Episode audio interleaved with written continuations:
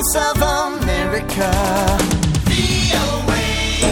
Masih di Bio Executive Lounge, selanjutnya kita akan bergabung dengan reporter Virginia Gunawan yang berada di lokasi tempat terjadinya bentrokan antar warga yang anti-Trump dengan polisi. Langsung saja kita tanyakan bagaimana situasi terkini, Virginia. Ya, saat ini uh, keadaan cukup tegang, di mana polisi yang tadinya mendorong masa mulai dari Jalan 12 dan K Street, sekarang uh, masa didorong ke Jalan 13 dan K Street, sekitar satu blok atau sekitar 200 meter.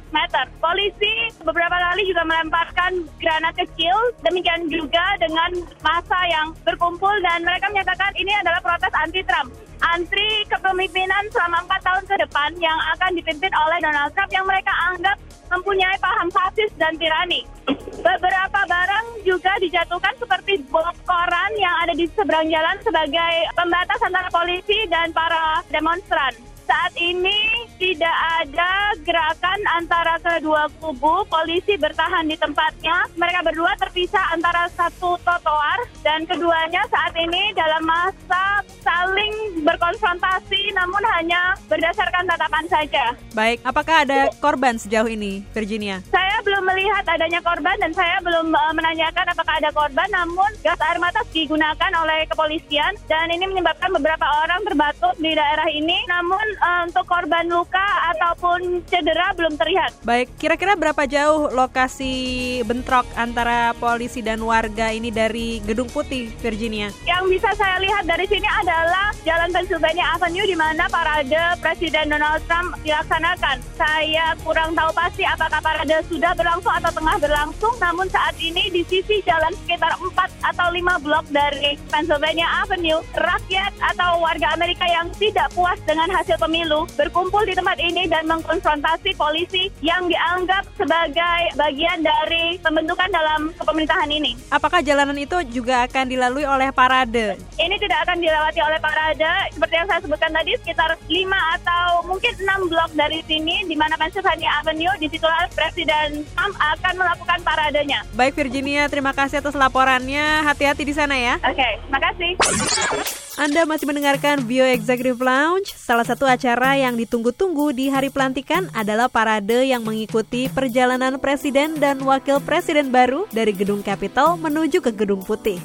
Langsung saja kita ikuti laporan berikut bersama Arif Budiman. Cuaca mendung, hujan gerimis yang datang dan pergi, serta udara dingin seperti nyata mengecilkan niat ratusan ribu orang untuk menyaksikan parade inaugurasi Presiden Amerika ke-45. Ada lebih dari 8.000 partisipan terlibat dalam parade ini. Mereka mewakili 40 organisasi dari berbagai penjuru Amerika Serikat, mulai dari SMA, universitas, hingga kelompok-kelompok veteran, marching band, tari-tarian, dan kereta hias mewarnai parade sepanjang hampir 2,5 km mulai dari Capitol Hill hingga Gedung Putih dengan melewati jalan utama yang dikenal sebagai Pennsylvania Avenue. Presiden Donald Trump dan istri, Wakil Presiden Mike Pence dan istri sempat berjalan di rute parade dengan diiringi para anggota Kongres dari 50 negara bagian. Sejumlah orang yang menggunakan atribut yang bergambarkan Donald Trump dan retorika-retorikanya seperti Make America Great Again terlihat bersuka cita dan antusias menyaksikan parade. Mereka ingin melihat sepintas wajah presiden dan ibu negara baru mereka. Mereka jelas mendukung Trump. Prissy Chris dari Pittsburgh, Pennsylvania mengaku senang dengan presiden baru. Dia sengaja menempuh perjalanan jauh untuk sekedar hadir menyaksikan presiden pilihannya. I support Trump because I think he has a good idea for the America's future with our economy and our people and what's good for the world and supporting America, supporting the world. Begitu pun halnya dengan Debbie Lakery dari Hagerstown, Maryland. Dia mengatakan rakyat Amerika tidak salah memilih pemimpin baru. The citizens of America need to stand up for the rights of the people that are needy, for the rights of the people that can't stand up, for um, all of the people in America, not just the billionaires that he has put on his cabinet and that um, he espouses. And so, um, in, in the words of Malala, I really feel like if people stay silent, if we don't come out, we don't march, we don't say what we feel about our country, that nothing will change.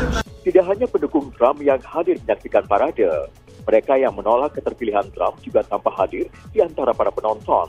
Saat sedikit di antara mereka membawa plakat-plakat yang bertuliskan Show Your Tax, Protect Women's Rights, dan Black Lives Matter. Diane Grimm, seorang penentang Trump di Freedom Plaza yang biasa menjadi lokasi demo, mengkhawatirkan pemerintahan di bawah kepemimpinan Trump akan mengabaikan hak-hak kelompok marginal. Grimm khususnya berharap Trump memberi perlindungan terhadap hak-hak perempuan, termasuk aborsi. Ia dan teman-temannya perlu hadir selama kegiatan inaugurasi untuk menunjukkan bahwa pemerintahan Trump akan menghadapi perlawanan keras dan tantangan yang tidak mudah ditundukkan. Dari Freedom Plaza, Washington DC, Arif Budiman melaporkan untuk VOA. The voice of America. Bio Executive Lounge, sekarang sudah saatnya kami pamit. Ikuti terus laporan VOA seputar pelantikan presiden di Amerika Serikat. Bisa melalui website kami di www.voaindonesia.com atau juga di media sosial Facebook, Instagram, dan Twitter at VOA Indonesia. Terima kasih atas perhatian Anda dari VOA di Washington DC. Saya Dania Iman mengucapkan sukses with you all the way. Bye.